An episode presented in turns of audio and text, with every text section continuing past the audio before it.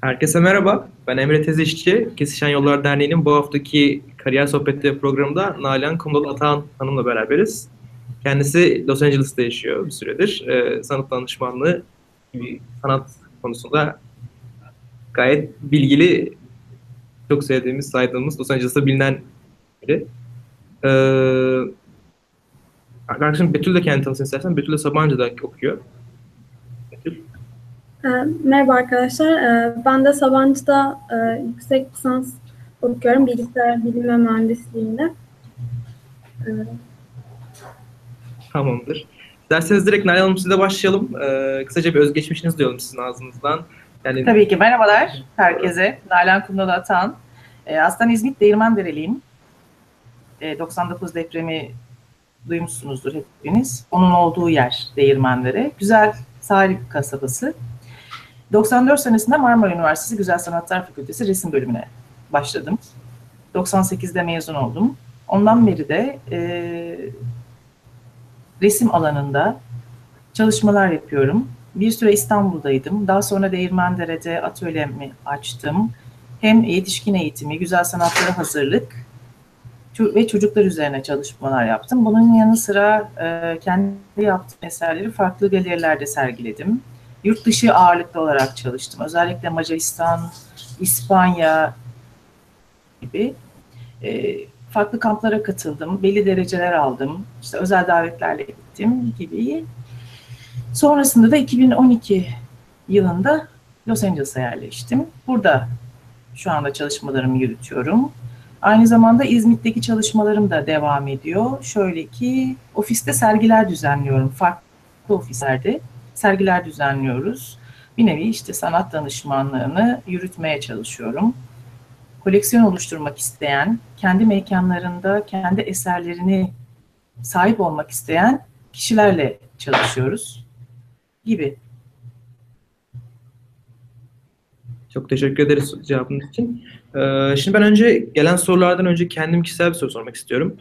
Ee, ben Koç Üniversitesi'nde okudum. Koç Üniversitesi'nde benim gibi birçok arkadaşım da işte medya ve görsel sanatlar, işte sanatla alakalı kısımları yöneliyorlar. Ama maalesef birçoğu mezun olduktan sonra mesleğinden ve okuduğu alandan çok uzak işlere başlamak zorunda kalıyor. Türkiye'de okudukları için veyahut da Türkiye'deki iş olanakları bu kadar şey olmadığı için. Ve de bir kısmı yurt dışına çıkmak istiyor. Yani kendi mesleğimde nasıl çıkabilirim tarzı. İşte resim galerili olabilir, sanat danışmanlığı veyahut da bu konularla ilgilenmek istiyorlar. Sizce Amerika'ya gelmenin en kolay yollarından biri onlar için nedir? Öğrenci için. E, tabii ki eğitim, öğrenci olmak. Üniversitesi bitirdiniz, Marmara'yı, Mimar Sinan'ı bitirdiniz veya Sabancı'yı, Yeditepe'de sanat yönetimi bölümü de var. Amerika'ya gelmenin sanatçı olarak gelmek zor. Çünkü İstanbul'da, Ankara'da da öyle. Ankara'da bir sanatçıysanız İstanbul'da bunu kabul ettirmek belli bir süre ve zaman alıyor. Ha Türkiye'de belki biraz daha kolay olabiliyor tanındığınız çünkü daha küçük bir çevre sanatla ilgili ama Amerika çok büyük bir yer ve burada e, bilmiyorum siz San Francisco'da bunu çok görebiliyor musunuz ama e, iki kişiden biri sanatçı gibi bir durum var. Ama tabii ki hani sanatçı demek gerçekten sanat eseri üreten kişi mi demek? Tabii ki değil. Hani herkes üretim yapabiliyor ama gerçek anlamda Amerika'ya gelip burada e, Türkiye'de aldığınız eğitimin üzerine de eğitim katarsanız ve burada farklı e, alanlarda kendinize ki e, siz de bilirsiniz farklı alanlarda burada küçük kurslara da katılabilirsiniz. Eğitim sertifika programları. Onlarla kendinizi geliştirdiğiniz takdirde hem Türkiye'de öğrendiniz hem Amerika'da öğrendiniz. Daha kolay piyasaya açılabilirsiniz. Tabii ki stajlar çok önemli. Hani hem Türkiye'de hem burada da aynı şekilde galerilerde veya müzelerde staj yapmanız çok önemli ki o piyasayı o piyasanın kokusunu, o havasını, o nemini alabildiğiniz takdirde tabii ki başarılı olabilirsiniz. Öğrenci olmak. e, Nalan Hanım bize şu an e, ilgilendiğiniz projelerden, çalıştığınız projelerden bahsedebilir misiniz? Tabii ki. Amerika olarak mı, Türkiye olarak mı? Türkiye'de şu anda Eylül ayında bir sergiye hazırlanıyoruz. Yani Ee, ofiste sanat projelerinizden bahsedebilirsiniz. sergilerin Evet tamam. Ofiste sanat sergilerini Türkiye'de devam ettiriyoruz. Eylül ayında yeni sezonumuz başlıyor. Orada e, hem sigorta ofisinde hem e, bir dişçi kliniğinde iki e, ayrı sanatçıya sergiler e, düzenleyeceğiz ve buna tabii ki e, mekan sahipleriyle ortak karar veriyoruz. Hangi sanatçının nerede, nasıl ne tarz sergiler açacağı. Aynı zamanda 28 Ekim'de Türkiye'de düzenlenecek bir sergiye kendim sanatçı olarak katılıyorum. Amerika'da da sergi hazırlığındayız şu anda. Ee, daha önce Türkiye Ben Fotoğrafı bir arkadaşımla ortak olarak yapmıştık. Şimdi daha bağımsız olarak e, farklı disiplinden sanatçıların bir araya geldiği bir sergi organizasyonu var 2018 için. Burada da ofiste sanat sergileri düzenliyoruz. Hatta burada da Rotaryenlere bir teklifte bulundum. Farklı e, ofislerde sergiler açma konusunda. Yeni dönem için bunu da e, kendi programlarına da dahil ettiler. Long Beach'teki yerel işletmelere yine Long Beach'te yaşayan ki Los Angeles'a çok yakın Long Beach, e, 30 dakika gibi bir mesafede Sel kasabası burası da. E, Long Beach'teki işletme sahiplerinin yine Long Beach'te yaşayan sanatçılar ve burada üreten sanatçıların eserlerini ofislerinde sergileme ve hem e, ofis tanıtımı hem sanatçı tanıtımı ve karşılıklı e, eser alışverişi e, bir nevi koleksiyon oluşturma işine başlıyoruz. Çok teşekkürler cevabınız için. Ee, tekrar şey. benim sorum yine kişisel bir soru tekrardan. Ben San Francisco'da yaşadığım için San Francisco çok teknik bir şehir. Genelde herkesin mühendis olduğu, hep teknik işlerin döndüğü bir şehir. Los Angeles ise bunu biraz daha tam tersi gibi, biraz daha Hollywood kaynaklı olarak e, daha sanatsal işlerin olduğu bir şehir. Buradaki Türkler genelde teknik olarak birbirine destek olsa da e, Los Angeles için bir Türk topluluğundan bahsedebilir miyiz? Böyle yani yaptığınız işlere destek olan da takip eden büyük bir Türk Var, küçük bir kitle buradaki Türklerin bir kısmı zaten hiçbir şeyle ilgilenmiyorlar. Sadece e, çalışıyorlar ve kendi özel yaşantılarına zaman ayırıyorlar. Bir kısım gerçekten hem Türk Türkiye'nin tanıtımı hem Türklerin tanıtımı için çok ciddi çalışmalar yapıyor. E, onlar destek oluyorlar tabii ki. Yani burada sizin orada da var bildiğim kadarıyla ama burada Ateisi diye bir dernek var. Onlar çok ciddi destek alıyorlar veya onların e, chapter'ları aynı şekilde ya da onlardan bağımsız olan Türkler de var. E, Amerikalılarla evli ya da sadece sanatı sevdiği için destek olan Türkler de var ya da meraklı olduğu için. Burada mesela 2013 senesinde bir sergi açmıştım. Türkiye'den bir sanatçı getirdik. Yine bir ofiste açıldı bu sergi. Burada e, ilk sergiye katılımım 2011'de düzenleme anlamında ama daha sonra 2013'te e, bir sergi düzenledik Dişçi Kliniği'nde. Mesela İstanbullu bir sanatçı Bülent Kılıç'ın eserleri ve tamamen İstanbul manzaralarıydı bunlar. E, çok ciddi hem satış anlamında çok ciddi bir ilgi vardı hem e, izleme anlamında. Ya tabii ki İranlılar, Yahudiler, Ermeniler veya Türklerden de var ama hani Türkler anlamında çok ciddi ilgi vardı. Bu vericiydi. Daha sonra mesela Çanakkale sergisi açtık. Ona çok ciddi ilgi vardı. Çanakkale'nin 100. yılından dolayı 2015'te hem Los Angeles'ta, Ventura'da, Long Beach'te, San Diego'da ve daha sonra North Carolina'da açtık bu sergileri ve sonrasında işte New York'ta açıldı, Houston'da gibi. Oralarda da vardı. Sadece burası için Los Angeles evet, e, Hollywood evet, sinemanın kalbi, sanatın kalbi gibi ama sanat resim anlamında sanattan bahsedersek biraz daha kalbi New York'a kayıyor. Teşekkür ederiz Nalan Hanım cevabınız için. Ee, acaba bize biraz Radyo Anatolia programımızdan bahsedebilir misiniz? Tabii ki. Radyo Anatolia'da Nalanca Sanat adında bir program yapıyorum. E, program üç bölümden oluşuyor. İlkinde dünya üzerinde Türk sanatçıların açtığı sergilerden e, bahsediyorum. Onların e, adreslerinden, sanatın sanatçının e, o sergi için hazırlamalarından, eserlerinden bahsediyorum. Daha sonra bir sanatçıyla röportajım var. Her hafta farklı bir sanatçıyla, sanatçının çalışmaları ile ilgili bir e, karşılıklı şu an bizim e, sizinle yaptığınız gibi bir röportaj gerçekleştiriyorum. Daha sonra da her hafta kitap okumayı e, biraz daha artırmak ya da kitap okumayı çok sevdiğim için belki de her hafta bir yazarın kitabından bahsediyorum. Onu tanıtmaya çalışıyorum. Çoğunlukla da okuduğum kitaplardan bahsediyorum. Öyle söyleyeyim. Ortalama 45-50 dakikalık bir program oluyor. Ee, Amerika'da yaşayan sanatçılarla da röportajlar yapıyorum. Türkiye'de yaşayan, İngiltere'de yaşayan, geçenlerde mesela e, İspanya'da yaşayan bir sanatçıyla röportaj yaptım. Türk sanatçı İstanbul'da yerleşmiş işte 35 sene önce. Onunla bir röportaj yaptık. Çok güzel oluyor. E, onların ortamını tanımak, onların yaptığı çalışmaları daha yakinen, özellikle de onların ağzından dinlemek, onların e, anlatım tarzıyla e, dinlemek çok enteresan oluyor benim açımdan da. Bu şekilde Radyo Anatolia'da yaptığım e, Nalanca Sanat Programı. Teşekkür ederiz cevabınız için. Ee, sıradaki sorumuz e, izleyicilerden gelen bir soru. Direkt iletiyorum. Ee, lisans eğitimini Marmara Üniversitesi'nde almışsınız. Ee, Evet. Aldığınız eğitim size yani Amerika'daki eğitime kıyasla veyahut da burada size yeterli oldu mu? Gibi bir soru. Daha uzun bir soru ben biraz kısalttım. O güzel bir soru. Sadece üniversitede aldığınız eğitim tabii ki yeterli olmuyor. Üniversitede aldığınız eğitimle kalırsanız hiçbir zaman yeterli olmuyor. Kendinizi geliştirmeniz gerekiyor. Ha, üzerine eğitim anlamında da katabilirsiniz, üzerine staj anlamında da katabilirsiniz veya biraz önce size bahsettiğim gibi farklı alanlarda alacağınız sertifika programlarıyla katabilirsiniz. Mesela küratörlük anlamında ya da sanat danışmanlığı anlamında bir tek Yeditepe Üniversitesi'nde sanat yönetimi var bildiğim kadarıyla. Ama e, Amerika'da farklı e, üniversitelerin yaz kampları var mesela. Bir aylık, bir buçuk aylık, iki aylık full e, haftanın beş günü gidebileceğiniz veya staj anlamında sizi e, destekleyen merkezler var. Onlara kayıt yaptırabilirsiniz.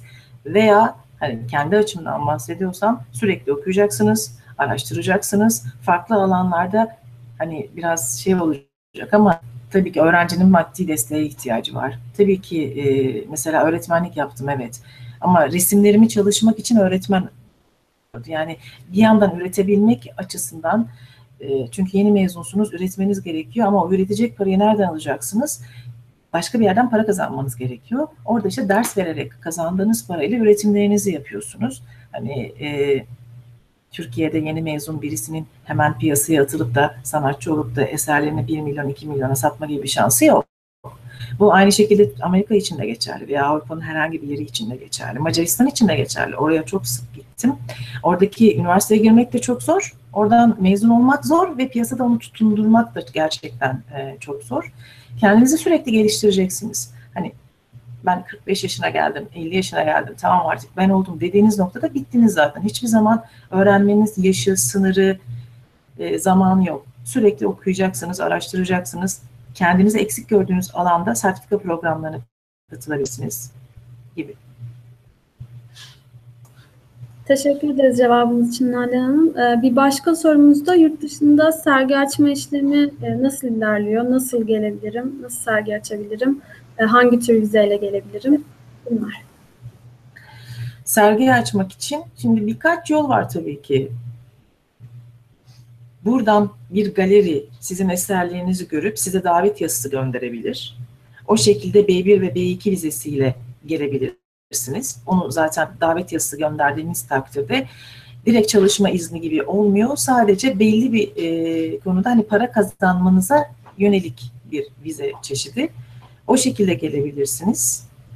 E, bunun içinde bir galeriye aynı Türkiye'de olduğu gibi dosyanızı hazırlayıp özgeçmişinizle beraber tabii ki İngilizce olmak kaydıyla başvuru yapıyorsunuz.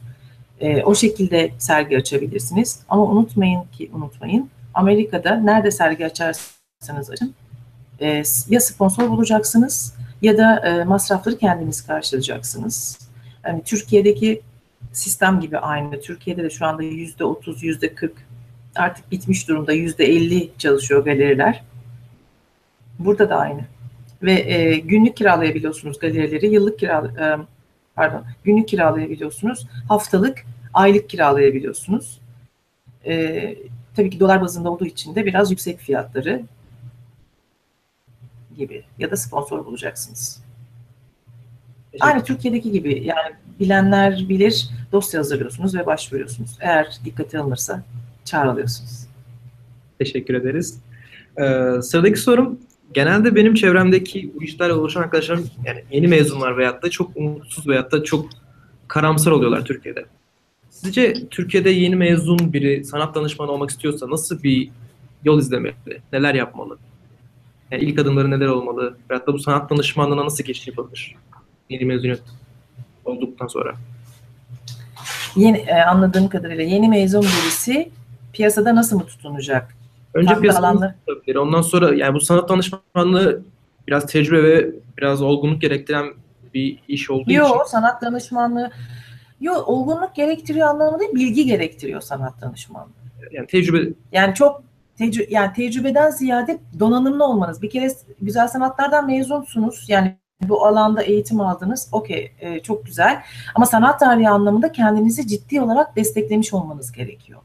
E, Sadece e, okulda öğretilen sanat tarihi değil, tüm dünyadaki sanat tarihini çok iyi bilmeniz gerekiyor. Sanatçıları çok yakından takip etmeniz gerekiyor. Hani bunun yaşla çok alakası yok. Bunun kendinizi yetiştirmenizle alakalı. Yani 24-25 yaşında üniversiteden çok yeni mezun olan birisi hem üniversite dönemi öncesi ve hemen akabinde kendini çok çok iyi yetiştirip piyasada e, staj yapıp e, farklı alanlarda insanlarla tanıştıysa sanat danışmanlığı yapabilir. Ama tabii ki e, yurt dışındaki yayınları takip edecek, yurt dışındaki sergilere, müzelere e, sürekli gidecek. İn- Gitmesine de gerek yok aslında. Artık şu anda her şey siz daha iyi biliyorsunuz. İnternet ortamında çok rahatlıkla Louvre Müzesi'ni bile gezebiliyorsunuz sanal ortamda.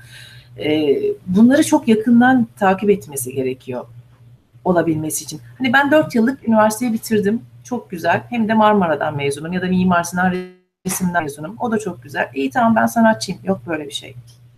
Sizin o literatürü kazanabilmeniz için gerçekten çok çalışmanız gerekiyor. Hani çalışmak, çalışmak, çalışmak. Mehmet Güler Yüz'le bir sergide karşılaşmıştık. Ee, işte böyle konuşuyoruz falan. Ne yapıyorsun dedi. Çalışıyorum dedim. Herhalde o zaman yani 75-77 yaşındaydı tam hatırlamıyorum ama ben bu yaştayım ve hala çalışıyorum, çalışıyorum ve çalışıyorum dedi. Hani bunun hiç şeyi yok. Mezun olduğunuzla alakası yok. Çalışmak, çalışmak ve çalışmak. Yani Yeterli oldu mu bilmiyorum. Yok yok güzel bir cevap oldu ama şimdi ben de yeni mezun olduğum için kısmen yani bu çalışmak çalışmak lafı öğrencilere çok böyle derin bir anlam vermiyor açıkçası. Oturup ama şöyle bir şey söyleyeyim size. Ee, hani oturup sadece ders çalışmak anlamında değil. Yok yok İnternetten sürekli araştırma yapmanız gerekiyor. Mesela sinemaya gitmeniz gerekiyor. Farklı sanat deyince e, sadece resim, heykel, seramik algılamayın. E, bir yönetmenin, bir görsel yönetmenin, görsel tasarımcının e, yaptığı bir filmi izlemek de size ilham verecektir. Size farklı bir e, pencere açacaktır. Bir kitabı okumak da size farklı pencere açacaktır. Bir defileyi izlemek de size farklı bir pencere açacaktır. Bu bir mühendis de olsanız hiç fark etmez. E, sanatçı da olsanız yani resimle ilgilenseniz, heykelle ilgilenseniz de fark etmez. Önemli olan sizin dünyaya ne kadar e, tarafsız ve açık pencereden bakmanızla alakalı bir durum. Yoksa gez- gençsiniz tabii ki gezeceksiniz, eğleneceksiniz, görmediğiniz yerlere gideceksiniz, flört edeceksiniz. Ama onları yaparken ne kadar da çok çalışırsanız e, kendinize yatırım yapmış olacaksınız. Hiçbir şey altın tepside sunulmuyor insanlara maalesef. kesinlikle. Bu hani böyle yaşı büyük bir insan gibi değil de hani deneyimlerinden yararlanan bir insan gibi şey Yok, yapabilirsiniz. bence yani yaşayan her insanın ortak fikri budur yani. Sonuçta oraya bir alışma süreci ve e, e, tutunabilmek için bayağı çabalıyor herkes. Yani kim kimseyi görmedim ki rahatlıkla gelsin, çok çabuk alışsın. Tabii tabii yani ücret almadan staj yaptığım dönemler var. Evet. Hiçbir ücret almadan hani karın tokluğuna derler ya e, Türkiye'de karın tokluğuna gidip e, işi öğrenmek adına, yapılan işleri gözlemleyebilmek adına e, staj yaptığım yerler var. Yani hiç bilmeden kapısını çalıp atölyede ben rölyef istiyorum, öğrenmek istiyorum diye e, atölyeyi çaldım. ikinci sınıftayım daha üniversitede. Zamanlar var ama bunları yapa yapa belli bir birikim sahibi oluyorsunuz. Yoksa ben gezdim, gördüm, yaptım. Ha, tamam ben sanatçıyım, her galeride sergi açabilirim. Yok böyle bir şey. Yok yani.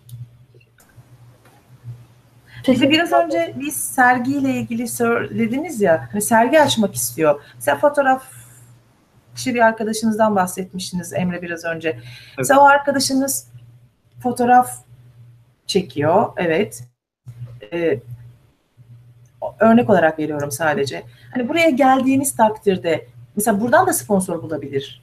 İnsanlar, hani sanatçılar nasıl bulabilirler? Ne için sergi açtığınız önemli. Kendi, yani sanat anlamında evet e, ben kendimi tanıtmak için sergi açıyorum. O zaman ne yapacaksınız? Kendi web page'inizden tutun da her türlü bilgileri bir kere İngilizce yapacaksınız. Ki insanlar buradan size araştırmaya girdikleri zaman İngilizce olarak tüm bilgilere ulaşabilsinler. Türkçe yaptığınız zaman belli bir kesime hitap etmiş oluyorsunuz sadece.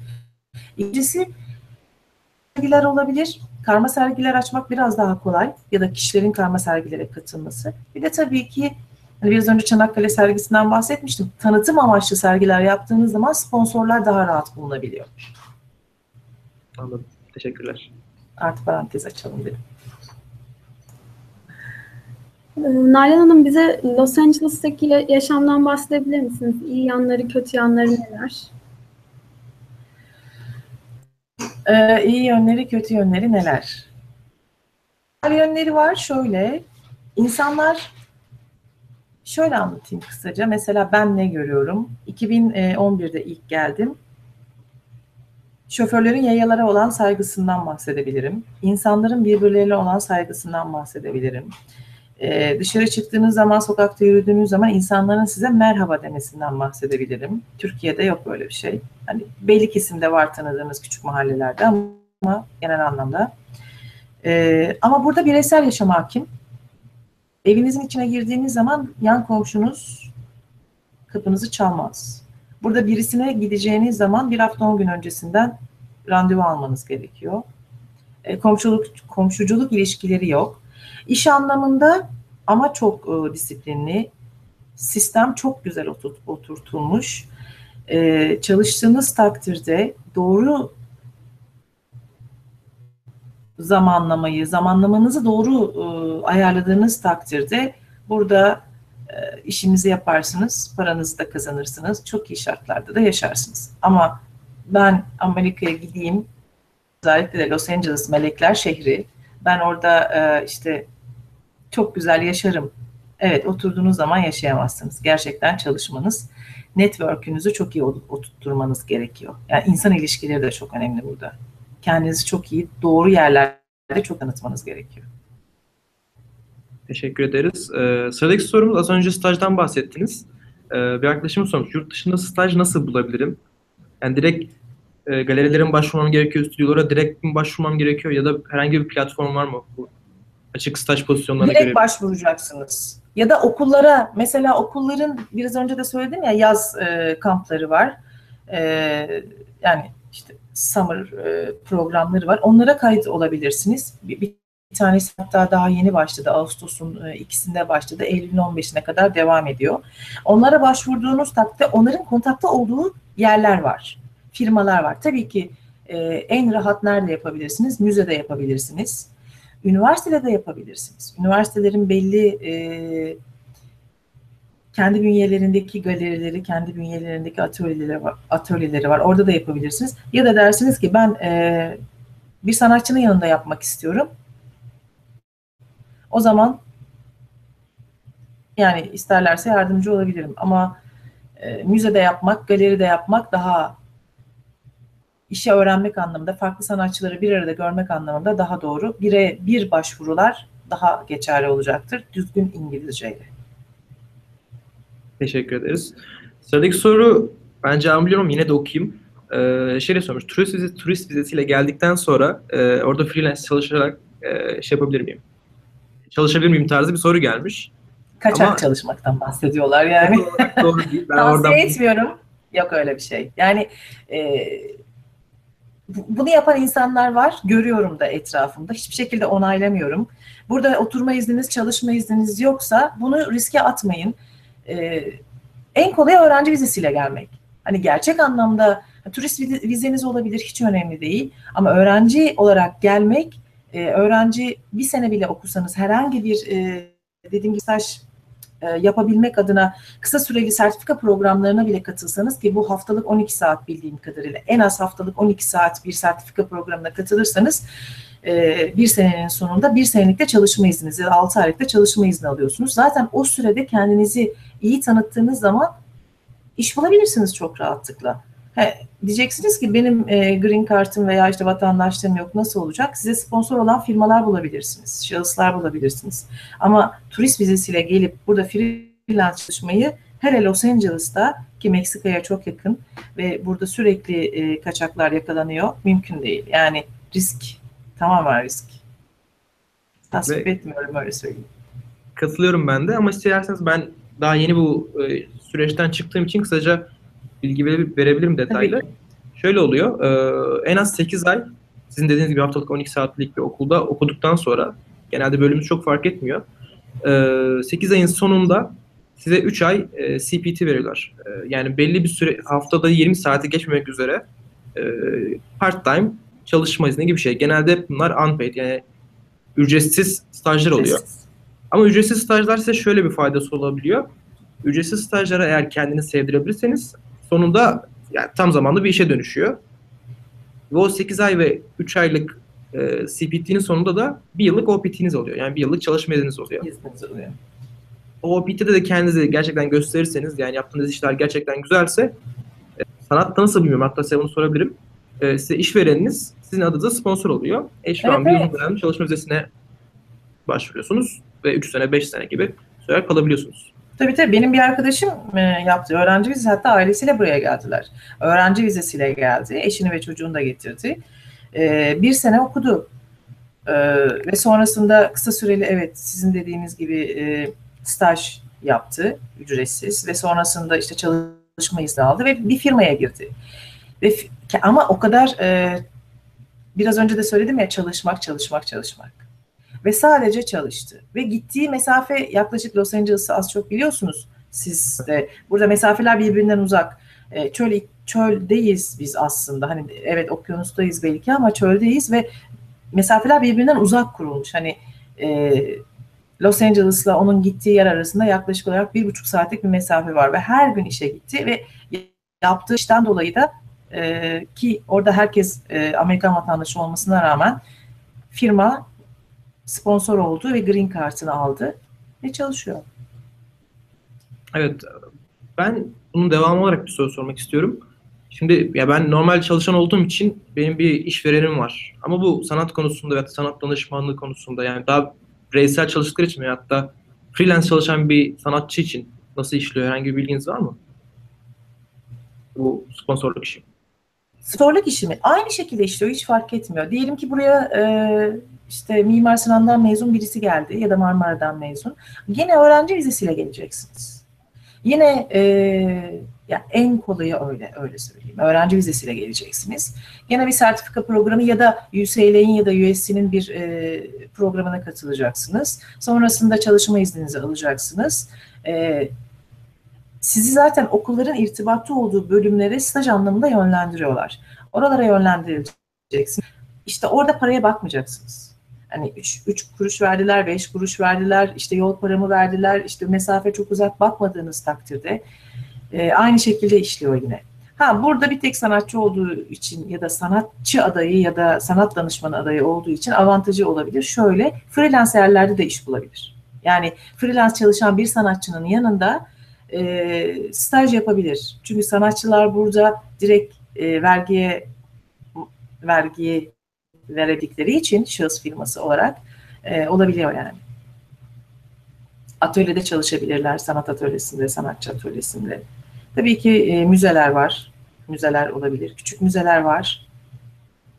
Herhalde. San Francisco'da da çok güzel müzeler ve galeriler var.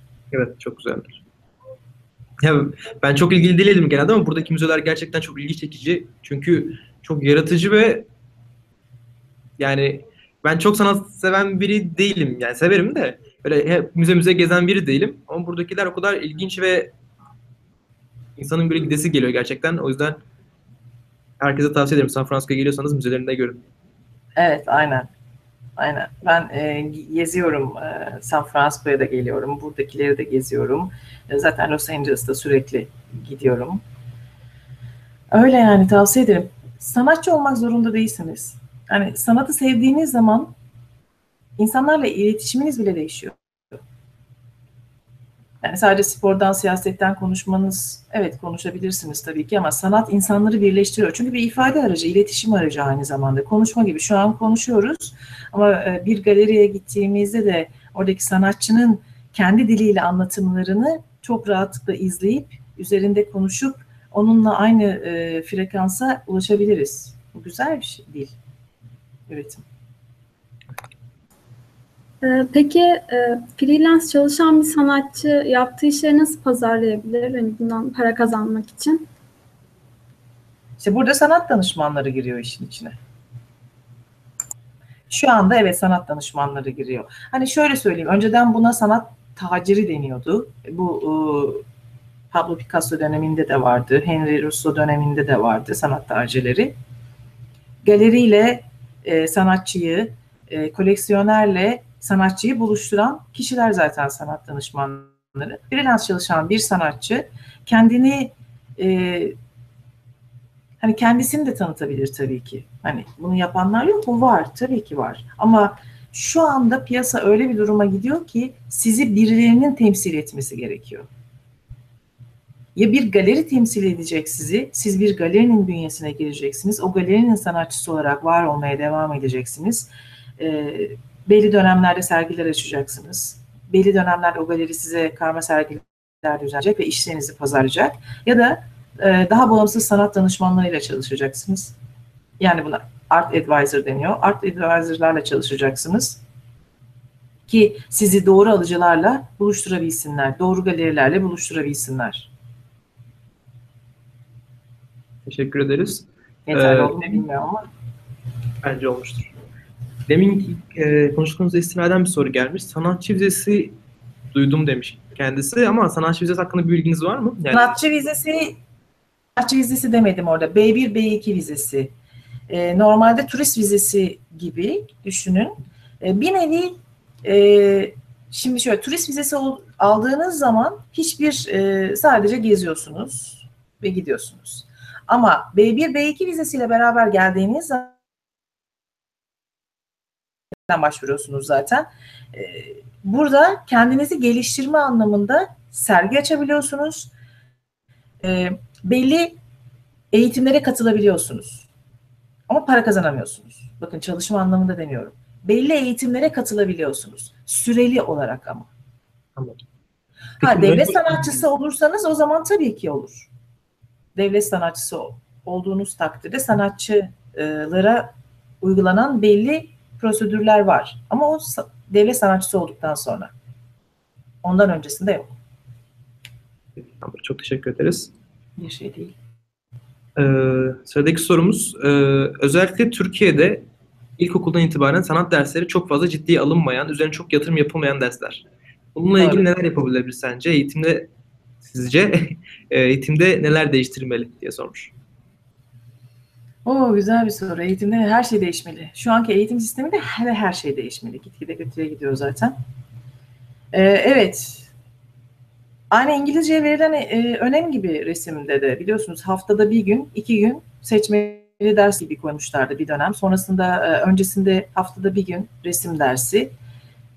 İns- İlk önce tabii ki burada ne yapmamız gerekiyor? Öğretmenlere eğitmemiz gerekiyor. Sanat eğitimi verebilecek ya da resim öğretmenlerini derslere sokmamız gerekiyor. Onların atamalarını yapmamız gerekiyor. Bu tabii ki yine Milli Eğitim Bakanlığı'na dayanıyor. Müfredatların değişmesi gerekiyor. Ee, bir de güzel sanatlarda özellikle eğitim fakültelerindeki güzel sanatlarda öğretmenlere 29 Ekim 9 Mayıs gibi klasik şeyleri öğrencilere öğretmemeleri, öğrencilerin kendilerini geliştirecek, kendilerini daha ileriye taşıyacak e, tasarımlar yapmalarına müsaade etmeleri gerekiyor. E, şu şöyle çizileri e, bir kenara bırakmaları gerekiyor. Çocuk neyi nasıl çizmesi gerekiyorsa o şekilde çizsin ki sonrasında zaten siz onu bir şekilde yönlendireceksiniz. Ama daha okuma yazma bilmeyen bir çocuğa 7. E, 7 yaşında 1. sınıfta onu öyle değil bulut böyle çizilir dediğiniz zaman çocuğu zaten resimden soğuyorsunuz. Unutmayın hepimiz okuma yazma bilmeden önce ki bu e, dünya tarihine baktığımızda da böyle mağara resimlerine bakıyorsunuz. İnsanlar yazmadan önce resim yapmaya başlıyorlar. Bizde de aynı şekilde. 2-3 yaşında bir çocuğun eline kalem verdiğiniz zaman her yeri çizer, her yeri boyar. Bir nevi iletişim aracı biraz önce bahsettiğim gibi. Kendisini ifade etmeye çalışıyor. Belki kelimeleri aktaramıyor, onu çizgiyle aktarmaya çalışıyor. Ama bir şeyleri öğrendikten sonra, bilgi e, bombardımanına uğradıktan sonra o yetilerimizi kaybediyoruz. Onun yerine farklı bilgiler giriyor. O yetileri kaybetmemek için çocukları özgüvenlerini aşılamamız gerekiyor. Onları özgüvenli olarak yetiştirdiğimiz takdirde üretecekler. Ve bu da hem evde hem okulda eş zamanlı olarak devam edecek. Tabii ki milli eğitimin müfredatına müdahale edemeyiz. Onlar e, büyükler bizden daha iyi bilirler ama hani olarak biraz söyleyeyim dedim. Çok teşekkür ederiz. Ee, bunu cevaplamıştık aslında ama soru tekrar tekrar 2-3 kere daha geldi. İsterseniz diğer arkadaşlar yayını daha öncesinde izleyebilir ama biz tekrardan şöyle bir üstünden kısaca geçelim isterseniz. Sanat danışmanı nasıl olabilirim? diye bir soru. Üniversitelerin, e, güzel sanatların, işte resim, heykel, seramik, sanat tarihi bölümlerinden birini bitirmeniz gerekiyor ilk öncelikle. Ha diyelim ki bunu bitirmediniz. E, bilgisayar programcısınız ama sanatı çok seviyorsunuz. E tabii ki master'ınızı veya e, PhD'nizi bunun üzerine yapmanız gerekiyor. Sanat tarihi üzerine, dünya sanat tarihi üzerine yapmanız gerekiyor ki e, koleksiyon oluşturacak kişiye yardımcı olabilin. Şimdi koleksiyon oluşturacak bir adam geldi size, bir e, şirket sahibi geldi, bir kadın geldi, bir işveren geldi. Çok ciddi bir e, koleksiyon oluşturmak istiyor, sanat eseri almak istiyor. Heykel, seramik, e, artık e, be, oturup beraber karar verdiniz, çok ciddi toplantılar yaptınız. Orada o kişiye sizin bilgi verebilmeniz için tüm dünya üzerindeki sanatçıların çalışmalarından az çok örnekleri bilmeniz gerekiyor. 30 yıl önce ne, ne neredeydi e, eserler, şimdi nereye geldi? Bir sanatçı, farz edin ki e, X bir sanatçı 20 yıl önce hangi ürünleri üretiyordu, şu anda neleri üretiyor? Bunları bilmeniz gerekiyor. Yani gene başa dönüyoruz. Alanınızda çalışmanız gerekiyor. Çalışmazsanız olmaz. Piyasayı çok iyi, nabzını çok iyi tutmanız gerekiyor hem koleksiyon yapacak kişiyi çok iyi bilmeniz gerekiyor, neler istiyor. Hem piyasayı bileceksiniz, hem onu ona uygun sanatçılardan eserler toplamanız gerekiyor. Başka türlü olabilir. Ama e, çalışmanız gerekiyor. Alanınızda daha iyi, ileri görmeniz gerekiyor. Aldığınız bir eseri e, o an için aldınız evet. Yani bir Picasso satın aldınız veya bir Osman Ali satın aldınız tamam alabilirseniz aldınız. Ama onun daha da değer ya da yeni bir sanatçıdan eser aldınız. Onun daha da ileriye taşınıp değer kazanması için belli çalışmalar yapmanız gerekiyor. Müzelerde sergiler açmanız gerekiyor. Onları farklı sergilere dahil etmeniz gerekiyor. Koleksiyonu daha da zenginleştirmeniz gerekiyor. Sadece eser almakla da olay bitmiyor. Ya da eser toplamakla olay bitmiyor. Doğru eserleri doğru zamanda toparlamak doğru koleksiyon oluşturma. Bunlar için çalışmanız gerekiyor. Daha önce de bahsettiğimiz gibi üniversite, sonrasında gerekirse e, bununla ilgili farklı bir e, master programına dahil olmanız gerekiyor. Staj yapmanız gerekiyor. Yani bilen birisinin e, bu işi gerçek ciddi olarak yapan bir müzede, bir galeride e, staj yapmanız, çalışmanız gerekiyor. Ki e, tek başına ben sanat danışmanıyım diye çıktığınız noktada hiç ilerleyemezsiniz yani diye düşünüyorum bence naçizane. ya böyle arkadaşlar. Yani Türkiye'de de çok eskilere dayanmıyor zaten. Teşekkürler Nalan Hanım. Ee, sanatın bir iletişim tarzı olduğunu söylemiştiniz. Özellikle e, iletişim bozukluğu e, yaşayan çocukları çocuklar üzerine etkisi olduğunu düşünüyor musunuz sanatın? Nasıl tabii ki, tabii ki. Tabii tabii kesinlikle e, yani Down sendromlu çocuklar üzerinde çok etkili. Özellikle seramik. Çünkü hani kalemi alıp eline çizemez. Hani kalemi alıp eline çizemeyebilir çocuk ama bir e, çamur verdiğiniz zaman onu şekillendirebilir çok rahatlıkla. E, dikkatini toparlar aynı zamanda çocuk. Çünkü o dikkat dağınıklığı olan çocuklar için özellikle çok önemli. E, kesinlikle ifade, iletişim aracı, ifade aracı, o çocukların kendini özgüvenli olarak e, dışarıdaki insanlara gerektiğinde göz teması kuramadıkları zaman e, önlerine verdiğiniz resimle, önlerine verdiğiniz heykelle yani e, çamurla onları heykel yapmaya çabalamaları, onları e, bir forma dönüştürmeye çalışmaları belli bir süre sonra onlarda hem göz temasında e, çok rahat edersiniz hem e, insanlarla etkileşimde, iletişiminde çok rahat edersiniz. Tabii ki bunları profesyonellerin önünde yaptırmanız önemli. Bu tarz merkezler var çünkü. Bu merkezlerden bahsettiğiniz bu e, alanda Türkiye'de e, önerebileceğiniz bir okul var mı? Önerebileceğim okul var mı? Şu an için Türkiye'de bilmiyorum. Yani açıkçası o konuda e, yanlış yönlendirme yapmış olabilirim. E, bir aralar Sabancı'nın açtığı Acıbadem'de vardı ama onu kapattılar. Başka bir yere taşıdılar. Onu şu anda bilemiyorum nerede olduğunu. Ama e, şöyle söyleyebilirim size. Down sendromu merkezlerinde bu tarz e, e, eğitimler veriliyor. Sabancı Üniversitesi, Sabancı Müzesi'nde belli dönemlerde yapılıyor bildiğim kadarıyla. Sakıp Sabancı Müzesi, Emirgan'dakinden bahsediyorum. Yani workshoplar şeklinde yapılıyor ama sürekli olarak bir yerde veriliyor mu? E, eminim veriliyordur. Ama şu an için adres, net bir adres veremeyeceğim size. Çok teşekkürler cevabınız için. Ee, sıradaki soru genel olarak sanat okumak için veya da sanat danışmanı olmak için Türkiye'de önerebileceğiniz okullar var mı? İkinci part olarak da Amerika'da önerebileceğiniz okullar var mı? Türkiye'de önerebileceğim e, tabii ki Marmara var, kendi okulum. Mimar Sinan var. Dediğim gibi e, Yeditepe Üniversitesi var. Eskişehir Anadolu, Anadolu Güzel Sanatlar var. Ankara'da Hacettepe var, Gazi var. Gazi Üniversitesi. E, bunlar var. Amerika'da UCLA var. UCA var. E, onların farklı kampüsleri var. Irvine kampüsünde mesela sanat yönetimi üzerine eğitimler var. San Francisco'da siz de bilirsiniz. Stanford var. E, onların hem güzel sanatlar anlamında hem sanat yönetimi ve küratörlük anlamında eğitimleri var.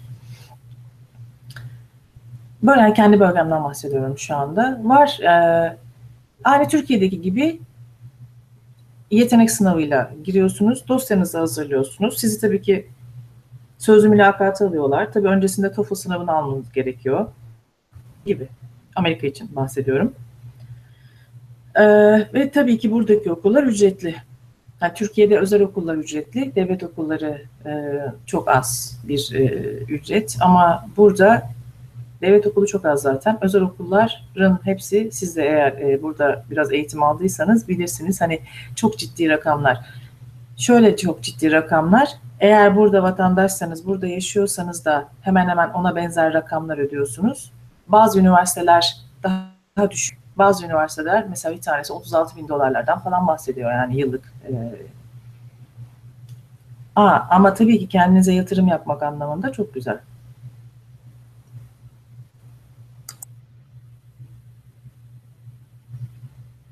Sesiniz gelmiyor. Mikrofondasın şu an. Betül. Pardon. Ee, az önce cevaplamıştınız ama e, tekrar soralım dedik. E, bugün Türkiye'de Milli Eğitim Bakanı olsanız e, ilk değiştireceğiniz e, sanat eğitimiyle ilgili ilk değiştireceğiniz şey ne olurdu? İlk değiştireceğim şey ne olurdu? İlkokul birinci sınıftan itibaren tabii ki e, resim dersleri koyardım. Ama şöyle tabii ki resim dersleri çocukların önüne kağıt verip de onların çizmelerini istemezdim. Onların e, kendi e, herkesin çünkü ifade aracı farklı. E, ben resimle, e, müzikle ifade edebilirim. Siz e, dansla ifade edebilirsiniz. Kimse heykelle ifade edebilir. Çocukların ilk önce kendilerini nasıl ifade edebilecekleri konusunda onları küçük bir e, e, alıştırmaya tabi tutardım. Ondan sonra e, bu konuda çalışmalar yapardım. Ortaokul ve lisede de aynı şekilde ve e, sadece resim eğitimi değil, çocuklara farklı e, filmler izleterek onların e, görsel hafızalarını e, genişletmeye çalışırdım. Tabii ki sadece resim yeterli değil, resimle ilgilenen, heykelle ilgilenen herkesin de az çok matematik bilmesi, özellikle geometri bilmesi gerekiyor. Bu alanda da özel çalışmalar yapardım. Doğadaki tüm geometri e, şekillerini e, onlara göstermeye çalışırdım. dağlardan, e, evlerin yapılarından, ağaçların yapılarından altın oranı insanlara anlatmaya çalışırdım ya da öğrencilere o yaştaki çocukların altın oranını anlayacakları şekilde ki sonradan duydukları zaman altın a, 24 ayar mı olmazdı. E, daha erken yaşlarda biliyorsunuz biraz önce de bahsettim. E, o yaşlarda çocukların beyni gerçekten çok boş şöyle boş. Hani o kadar aslında e, farklı bakıyorlar ki bizim gibi sonradan her şeyi e, alıyoruz. Bütün bilgiyi alıyoruz. iyi kötü ayrımı yapmadan sonradan tabii ki belli bir sentezden geçiyoruz. Onların hayal gücü o kadar geniş ki şu anda siz 7 yaşında bir çocukla ya da 6 yaşında bir çocukla oturup aynı şeyleri size verdiğiniz zaman onun hayal gücüyle e, sizin hayal gücünüz birbirinden tamamen farklı olacak. Sizde daha e, kalıplar hakim, daha e, kısır e, bir e, durum hakim olacak. Onda daha geniş bir dünya hakim olacak. Bir nokta bile çizse o boş bir kağıda bir nokta yapar. Siz bir yuvarlak çizer onun içine bir nokta koyarsınız gibi. Hani sınırlar o yüzden o çocuklara ne kadar çok şey verirseniz geleceğin neslini daha doğru yerleştirmiş, daha doğru beyinlere teslim etmiş olacaksınız. Yani. Çok teşekkür ederiz. Matematik, ee, geometri, sanat tarihi. Ben de kesinlikle katılıyorum. Yani çok faydalı bilgiler bence. Ee, sıradaki sorumuz. Siz yurt dışında sanat eğitimi almak isteyenlere danışmanlık yapıyor musunuz? Demiş bir, demiş bir arkadaşımız. Ha, yurt dışında eğitim anlamında danışmanlık yapmıyorum. Eğitim anlamında danışmanlık yapmıyorum. Peki. Ama e, e hani sizin vasıtanızla sormak isteyenler olursa mail adresinden bana ulaşabilirler. E, dilimin döndüğünce buradaki işte 5-6 e, senelik deneyimlerimden yola çıkarak onlarla e, yardımcı olmaya çalışırım. Ama çok daha çok ben burada e, kurumsal firmalarla çalışıyorum. Eğer sorusu olan arkadaşlarımız varsa daha sonra mail atarsa bize biz de size iletiriz o zaman. Yani sizin vasıtanızla olursa olabilir. Tamam, çok teşekkür ederiz. Ee, yine bu sorunun devamı gibi e, yurt dışı başvurularına danışmak, danışmanlık hizmeti alabileceğimiz bir kurum var mı? genel yurt dışı üniversite danışmanları bu konuda çok bilgili olmuyor demiş. E, sanat konusunda. Sanat art konusunda, sanat konusunda. Yok genelde e, yurt dışın evet yani Türkiye'de firmalar var. Belli e, firmalar. Bunlar aynı zamanda hem İngilizce kurslarına yönlendiriyorlar hem çocukların üniversite e, seçmeleri konusunda yardımcı olmaya çalışıyorlar. Ama e, naçizane bir e, fikir sadece. Eğer hani maddi durumları iyi ve vakitleri var ve e, turist vizesi bile almış olsalar buraya sadece üniversiteleri gezmek, özellikle şu anda mesela e, oryantasyonlar var üniversitelerde. Hani e, onlara katılmaları, onların neyi ne zaman nasıl seçeceklerini kendi gözleriyle karar vermeleri daha doğru olacaktır. Ya da birebir üniversitelerin e, mail adreslerinden iletişime geçebilirler o daha doğru. Arada bir kurum olduğu zaman o kurumlar para kazanıyor zaten bundan. Özellikle Türkiye'de. Çok ciddi paralar. Ee, birebir temas her zaman için daha iyidir. Tamamdır. Çok bir mektup atacaklar bu kadar. Ben de katılıyorum. Yani çok girişken olmalarını yani zaten o olmazsa olmaz. Ee, yani bizden üst birine mail atarken veya iletişime geçmeye çalışırken Türkler genelde ben de Türkiye'de çok çek çok yardımcı olmak istemiyor Türkiye'de. Nedense. Ama burada ben yani kime ne mail atsam yani her türlü CEO veyahut da çok ünlü bir sanatçı kime mail atsam bana elinden geldiğince yardımcı olmak için geri dönüyor, arıyor. Yani burada herkes birbirinin elinden tutup yukarıya yanına almaya çalışıyor. Seni tanısa da tanımasa da. O yüzden biliyorum e, Türkiye'de belli bir kalıplaşmış düşünce içindeyiz. Ama e, benim de şahsi tav- tavsiyem size bu kalıp, kalıplaşmış düşünceden, düşünceden çıkıp herkese... E, özgüvenli olun. Yani e, özgüvenli olmazsanız Amerika'ya gelmeyin zaten. Girişimci olmazsanız gelmeyin. Hani annenizin elinden tabii ki tutacaksınız ama unutmayın siz bireysiniz. Yani bireysiniz hepiniz. Kendi fikriniz var. Ha biraz önce sordunuz ya e, ö, ö, yani üniversite veya ilkokul veya ortaokul. Bizim tabii ki eğitim sistemimizde eksikliğimiz dilekçe yazma birisine nasıl hitap edeceğimiz okulda gösterilmiyor. Okul sonrasında belli e, işte liderlik eğitimleri, girişimcilik eğitimleri var. E, onlarda belki gidebiliyorlarsa öğreniyorlar ama yani dilekçe örnekleri var internette. Online olarak çok rahat ulaşabilirsiniz. Karşınıza karşınızdaki kişiye nasıl hitap edeceğiniz, o sizin kendinizi karşınızdaki kişinin yanında nasıl gördüğünüzle alakalı bir durum. Burada beyefendi, hanımefendi gibi tarımlar yok. Yani e, sayın demeniz ya da sevgili demeniz yeterli. Karşınızdaki kişi evet biraz önce Emre Bey'in de söylediği gibi burada kime mail atarsanız atın size bir şekilde 24 e, saat olmasa bile 48 saat içinde geri dönüyor. Türkiye'de böyle bir alışkanlığımız yok maalesef. Türkiye'deki insanlara mail atıyorsunuz. Bir ay geçiyor ses yok. Aradığınız takdirde evet ya tamam atayım diyorlar. E, hani biraz önce sordunuz ya neyi seviyorsunuz? Buradaki o olayı da seviyorum. Amerika için demiyorum. Yurt dışı, Türkiye sınırları dışına çıktığınız zaman Türkler e, Türkler de aynı. Hani iyi anlamda aynı. Amerika'da okumuş ya da yurt dışında okumuş bir Türkiye'de mail attığınız zaman hemen geri dönebiliyor. Ama Türkiye sisteminden çıkamamış e, insanlar nedense biraz yani onu da anlamıyorum. Anlamıyorum. Kesinlikle Umarım katılıyorum. gelişiriz. Ve e, yani ben de yollardan geçtiğim için biraz biliyorum. Yani ulaşmaya çalıştığım insanlar ya geri dönmüyor Türkiye'de ya da olumsuz geri dönüyorlar. O da belli bir süre sonra insanın tabii ki de umutlarını yıkıyor veyahut da belli bir kalıplara oturtuyor. Benim demek istediğim yani o kalıplara rağmen kırmaya çalışın. Çünkü buradaki insanlar çok Tabii, daha tabii. tanımlı, e, çok daha yardımsever. Usanmayın. Hani şey gibi düşünün. Bir kere mail atın. Olmadı. ikinci kez mail atın. Olmadı. Üçüncü kez mail atın. Atın. Yani kimse size niye bana bu kadar mail atıyorsunuz dediği takdirde cevap alana kadar mail atacaksınız. Bu kadar yani. Şimdi Evet. olun biraz. Yoksa e, hiçbir yani Türkiye'de de aynı şekilde. Artık Türkiye'deki firmalar da daha ileriye gitmeye başladılar. Onların da danışmanları hani sanat anlamında söylemiyorum. e, bilgi anlamında ya da mühendis veya işte mimarlar yurt dışında eğitim almaya başladılar. O yüzden korkmayın ya. Kimse niye mail atıyorsun demez. Yani alt tarafı e, uygun değilsiniz der. E, Şu an aramıyoruz der. Yani birincisi der, ikincisi der, üçüncüsü size uygun bir yerdir. Evet, katılıyorum. Süremizin yavaş yavaş sonuna geliyoruz. İsterseniz ben herkese sorduğunuz böyle bir genel soru var. Onu da size sorayım. Ee, genel olarak Türkiye'deki öğrenciler için neler yapmasını, nelerle ilgilenmesini tavsiye edersiniz? Soru daha spesifik olarak Türkiye'de sanat ok- okumak isteyen veyahut da sanat danışmanı olmak isteyen spesifik bir öğrenci grubu için neler yapmasını tavsiye edersiniz? Çok genel olarak topla, topla- toplarsak yani. Tabii tabii. Hı hı. Ya genel olarak gençlere söyleyeyim. Ee, ya arkadaşlar diyeyim, canlar. Üniversiteye başladınız, üniversiteyi bitirdiniz.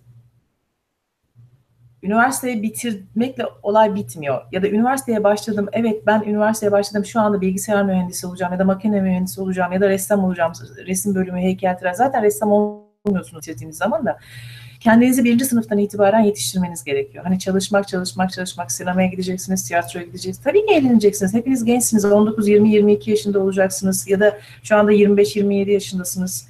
Ge- tabii ki gezeceksiniz, eee, seveceksiniz, aşık olacaksınız, üzüleceksiniz. Ama unutmayın, hayat gidiyor ve sizin eee, belki Emre Bey eee, daha iyi bilecek San Francisco'da olduğu için sadece üniversite okumakla olmuyor bu iş kendinizi o kadar çok geliştirmeniz gerekiyor ki çünkü sizin diğerlerinden farklı olabilmeniz için kendinizi daha ileriye atmanız gerekiyor. Bu da bilgiyle, bu da beceriyle, bu da ne kadar çok background e, doluluğuyla alakalı bir şey. Biraz cümle düşüklüğü oldu burada kusura bakmayın. yani gezeceksiniz, göreceksiniz, araştıracaksınız. İnternette ya uyumaya vaktiniz yok ya. Ya uyumayın. Çok az uyuyun. Ama sağlıklı beslenin. Kahvaltı muhakkak edin sağlıklı bir erken güne başlayın. Yani sabah yatıp da e, öğlen güne başlamayın. E, erken hani hava aydınlanıyor 6 5.30 6'da al. Hadi 6.30 erken güne başlayın. Ne kadar erken o kadar çabuk yol alırsınız. İnsanlar e, 45-50 yaşında bir yerlere gelemediğinde üzülüyorlar. Siz daha erken yol alın ve daha çok e, çalışın diyorum. Çalış, çalış, çalış. Kendinizi geliştirin, korkmayın. Herkese mail atın. Ne istiyorsanız elde edebilirsiniz. Sanat anlamında Türkiye'de bir kere gerçekten sana, sanatı isteyin. Sanatçı olacaksınız, sanat danışmanı olacaksınız ya da kreatif direktör olacaksınız ya da resim öğretmeni olacaksınız. güzel sanatlara gireceksiniz. Hangisi? Marmara, Mimar Sinan, özel üniversiteler. Korkmayın, girin. Bakın unutmayın ben e, bunu beni tanıyanlar bilir. Ortaokulda resimden kalmış bir insanım. Hani bütünlemeye kalıyorlardı. Bizim dönemimizde vardı. Sizin döneminizde yoktur büyük ihtimalle de. Hani 80'li dönemlerde vardı. Okulda böyle öğrenci e, başarılı başarısızı tartışmak istemiyorum. O öğretmenin verdiği notla alakalı bir durum. E, bütünlemeye bıraktı. Okey, çok güzel ama ben resmi o kadar çok istiyordum ki e, güzel sanatlara girdim. Marmara'yı kazandım. E, eğitim fakültesinde kazandım. O da ayrı da ama Marmara'da resim bölümünde okumak istiyordum. Ve hedefime ulaştım. Sergiler açmak istiyordum. Yurt dışına çıkmak istiyordum. Hedefime ulaştım. Ama arkadaşlar çok çalışmak gerekiyor. Atölyede sabahladığım, atölyede e, ağladığım zamanlar var. Ama hiçbir zaman usanmadım. E, dosyalarım geri çevrildi. Hiçbir zaman usanmadım. Oradan geri çevrildi. Öbür taraftan kabul edildi. Yani daha çok okudum, daha çok araştırdım. Bunları yapacaksınız. Aslında rutin. Hani annelerinizin söylediği şey yani çalışmak. Ama hani kuru kuru oturup da e, ders çalışmaktan bahsetmiyorum. Araştırmaktan bahsediyorum. Dünya o kadar ileriye gidiyor, o kadar hızlı gidiyor ki e, konuşmamızın başında biraz bilmiyorum kayıt oldu mu söylemiştim. Ebru normalde biliyorsunuz e, teknede yapılır. E, belli bir saygıyla yapılır. Şu an internette yapılıyor artık. Bilgisayar ortamında belli programlar var yapıyorsunuz. Resimler artık dijital ortamda yapılıyor. Yani çağ o kadar ilerledi ki sizin o çağı yakalayabilmeniz için hani iki gözünüzü, kulağınızı, her duyu organınızı açmanız gerekiyor. Söyleyeceklerim bunlar. Çok teşekkür ederiz. Benim için çok keyifli bir sohbet oldu. Ee, çok da yeni bilgiler öğrendim. Dediğim gibi San Francisco'da bulunduğum için bu kadar çok sanatla ilgili bilgim yoktu açıkçası. Çok teşekkür ederim tekrardan her şey için. Ben kısaca haftaya olan programdan bahsedeyim. iki hafta sonraki. Ee, ondan sonra son sözlerimi ben de söylerim. Siz de söylerseniz kapanışı kapatırız. Ee, haftaya Profesör Doktor Aydan Özcan var. Kendisi de yine Los Angeles'ta. E, UCLA'de çalışıyor. E, inanılmaz başarılı biri. Beyaz Saray'da Barack Obama'nın elinden e, başkanlık ödülü, geçen sene Rahmi Koç'un bilim madalyası ödülü. Yani çok inanılmaz başarıları olan biri kendisi. Elektronik mühendisi ve biyomühendislik sensörlü üstüne çalışıyor. Kamera sensörleri üstüne çalışıyor. Bizi takip ederseniz hem kanalı hem de Facebook sayfamızı oradan ulaşabilirsiniz kendisine ve yayınımızı izleyebilirsiniz. Ee, size tekrardan her şey için çok teşekkür ederiz. Ee, dediğim gibi çok keyifli, çok bilgilendirici bir sohbet oldu benim için. Ee, ben teşekkür ediyorum. Aa, çok zevkliydi. Gençlerle olmak, e, merak edenlere e, doğruları aktarabilmek isterim. Hani ne kadar doğru olduğu söylediklerim, e, ne kadar anlaşılabildi ya da hani ben ifade ettim de karşı taraf nasıl algıladı. Bunlar da önemli tabii ki. Umarım doğru yerlere ulaşmıştır. Davetiniz için ben çok teşekkür ederim. Çok zevkliydi benim açımdan da. Yani sürçülisan ettiysem affola diyorum. Başarılar diliyorum size kesişen yollarda. Çok sağ olun. Kapatalım istersen. Nalan Hanım çok teşekkür ederim ben de. Benim için çok bilgilendirici bir konuşma oldu. Tekrardan her şey için çok teşekkürler. Bize katıldığınız için. Teşekkür ediyorum. Çok sağ olun. Son haftaya görüşmek üzere. Herkese iyi akşamlar Türkiye'deki. Bizden de Los Angeles'tan iyi günler diyorum. İyi akşamlar Türkiye.